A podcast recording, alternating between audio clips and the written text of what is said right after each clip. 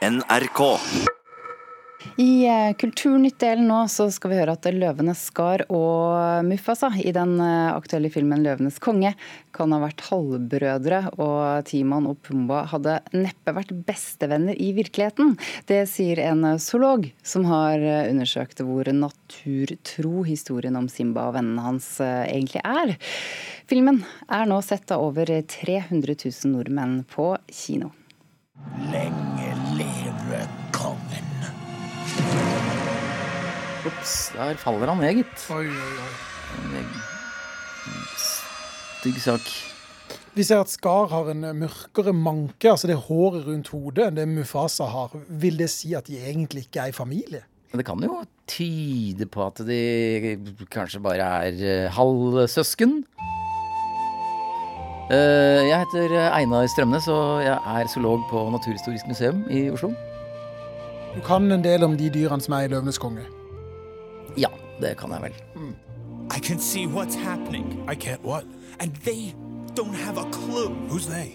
Kunne en eh, surikat som Timon er, og et vortesvin da, som Pumba er, vært bestevenner i virkeligheten?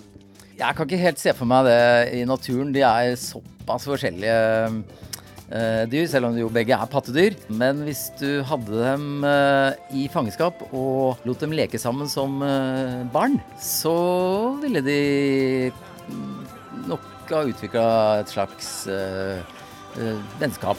It means no worries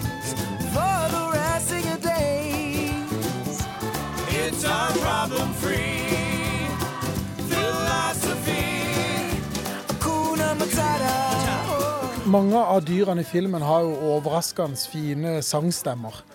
Er det noen dyr i Afrika som eh, kan synge? Du har sånne bruddstykker. Du har jo eh, Ja, altså hyenene her, da. De har sånne, sånn latter, ikke sant. Det kan høres litt sånn menneskelig ut. Du har jo noen fugler sånn som kan kanskje synge litt sånn uh, mennesker plystre og sånne ting. Men eh, akkurat som lager lage stemmelyder som oss mennesker, er det ja, Det nærmeste er kanskje geladaen, da, som er eh, en av våre slektninger. En bavian da, som lever oppe i fjellene i Etiopia.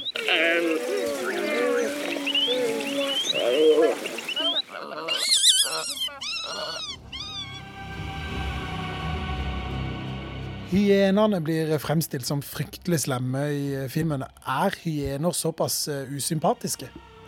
Eh, ja. De virker mer grusomme på den måten for oss, i hvert fall. At de spiser opp eh, byttedyrene sine mer eller mindre levende. De, de mangler så langt på vei hår på hodet og sånn. Litt sånn som gribber, på en måte. Det er jo antagelig en tilpasning til å stikke trynet sitt ned i daue dyr og kadavere. Og da er det jo greit å ikke ha så mye hår som du kan få så veldig mye bakterievekst i, da.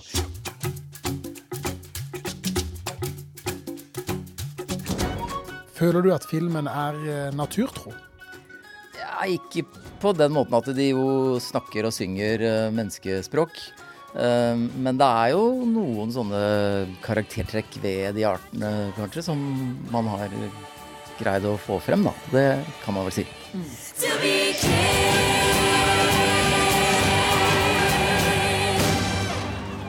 Hvis det fortsatt er noe du lurer lurer på om eh, dyrene i 'Løvenes konge', så kan du lese hele saken på nrk.no. Reporter vår Christian eh, Ingebrigtsen. Du må legge et skikkelig fra ord om du skal ha muligheten til å slå meg nå. Ja, her hører vi lyden av Var det eh, flaut at du skulle gruble, da? Nei, det er jo bare et spill. Altså, som du riktignok taper i, da. var litt lavt. Men du, eh, dette er altså lyden av en sketsj laget av NRK Satiriks, eh, og den har skapt debatt og ført til mange klager mot NRK. Og nå går kritikerne lenger i sin irritasjon over sketsjen, kulturreporter Petter Pettersen. Ja, eh, sketsjen den har da tidligere eh, ført til nærmere 300 klager til Kringkastingsrådet, eh, bl.a. fra journalist og, og forfatter Mona eh, Levin. Og hun har nå også eh, klaget inn den, den såkalte jødesvinsketsjen til Pressens faglige utvalg, altså pressens etiske eh, klageorgan, skriver Dagbladet i dag. Så hva, hva, hva kan du fortelle om utviklingen eh, i denne saken?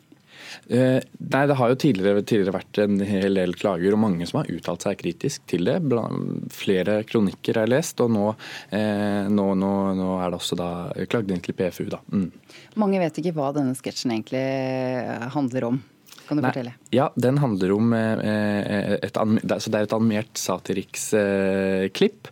Eh, NRK Satiriks lager et animert klipp der en veldig sånn stereotypisk jødisk mann spiller, spiller ordspiller Scrabble med en annen mann. Og sistnevnte, han som ikke er en stereotypisk jøde, har formet ordet jødesvin som, med bokstavbrikkene sine. Og han vegrer seg altså da for å plassere brikkene på spillbrettet. Kanskje et dumt spørsmål, men hva er det Levin reagerer på? Eh, hun, eh, hun, oppfatter denne, hele denne satiren som eh, antisemittisk, og har også altså da klaget den inn for antisemittisme, for nazistisk ordbruk og for hets mot jøder. Og I tillegg så sier hun at hun vurderer å, å anmelde det til politiet. Og Underholdningsredaktør Charlo Halvorsen her i NRK sier at han opplever en del av kritikken som anklagene, øh, som anklagene unnskyld, om antisemittisme og rasisme som mildt surrealistisk. Øh, og at en del av intensjonen bak hele denne sketsjen var stikk motsatt. Og Levin mener da på sin side at man ikke hadde karikert den jødiske mannen øh, så fryktelig og gjort ham så usympatisk om det var hele intensjonen kan det hende at, eh, at, det er litt misforståelser ute og går her også. Vi får se. Men nå skal vi til Storbritannia, for valget av Boris Johnson som ny statsminister påvirker også en kommende Shakespeare-bok. Ja, det gjør det. For eh, Boris, Johnson, unnskyld, Boris Johnson skulle ha kommet med boken 'Shakespeare The Riddle of Genius' i, i 2020, altså neste år. Og den har nå blitt utsatt uoversku, i uoverskuelig fremtid. Ja, for, for Boris Johnson har jo skrevet andre bøker også, bl.a. en om Churchill. Det stemmer. En bestselgende Churchill-biografi. Eh, og nå er altså da Shakespeare-boken som eh, var ventet og blitt utsatt mange ganger, utsatt til neste år. Takk, eh, kulturreporter Petter Pettersen. Ja, nei, du, Nå tenkte jeg at jeg skulle sette i gang et underlag, men eh, det vi skal, det er å høre en filmanmeldelse. Den amerikanske regissøren eh, Ari Aster hadde stor suksess med skrekkfilmen 'Hereditary' i 2018. Eh, For sin nyeste film 'Midtsommer' har han flyttet handlingen til Sverige, der han lar en sekttriller spilles ut under sommersolen. I told you that I want to go to that festival in Sweden. No, you said it would be cool to go. Yeah, and then I got the opportunity and I decided Look, I to do mind it. you going. I just wish you would have told me. That's all. Regissør Ari Aster har med 'Midtsommer' laga en særegen sektthriller bada i svensk sollys. På en eng av blomster, nestekjærlighet og barbeint idyll blander han inn brutale vikingskikker, folketro og sektmentalitet og får ei makaber sommergryte. What time is it? 9 p.m. That can't be right. The sky is blue. This is what 9 p.m. is like here. Det sorgramma amerikanske paret Danny og Christian skal tilbringe ferien i Sverige sammen med noen av Christians studievenner i antropologi. De havner hos en alternativ bosetting som heter Horga. En hvitkledd gjeng som blander tradisjonelt landbruk med gammel folketro. Denne sommeren er det en takkefestival som bare feires hvert 90. år, eh, noe som krever noen helt unike seremonier. It's sort of a crazy festival. Special ceremonies and dressing up. That sounds fun. Med skrekkfilmens troper for tynning av flokken som narrativ motor, blandes det spirituelle og det harmoniske med det vemmelige og flere etiske overtramp.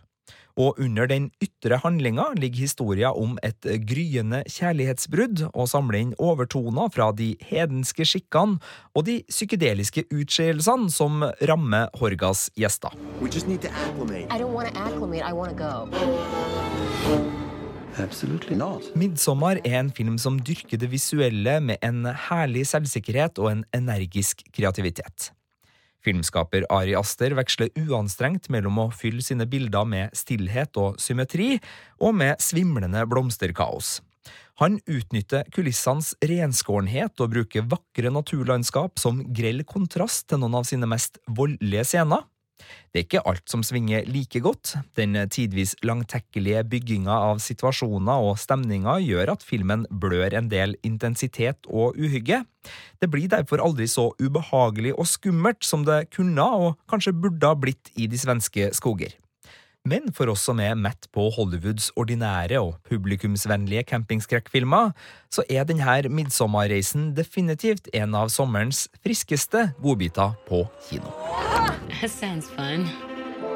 Terningkast fem.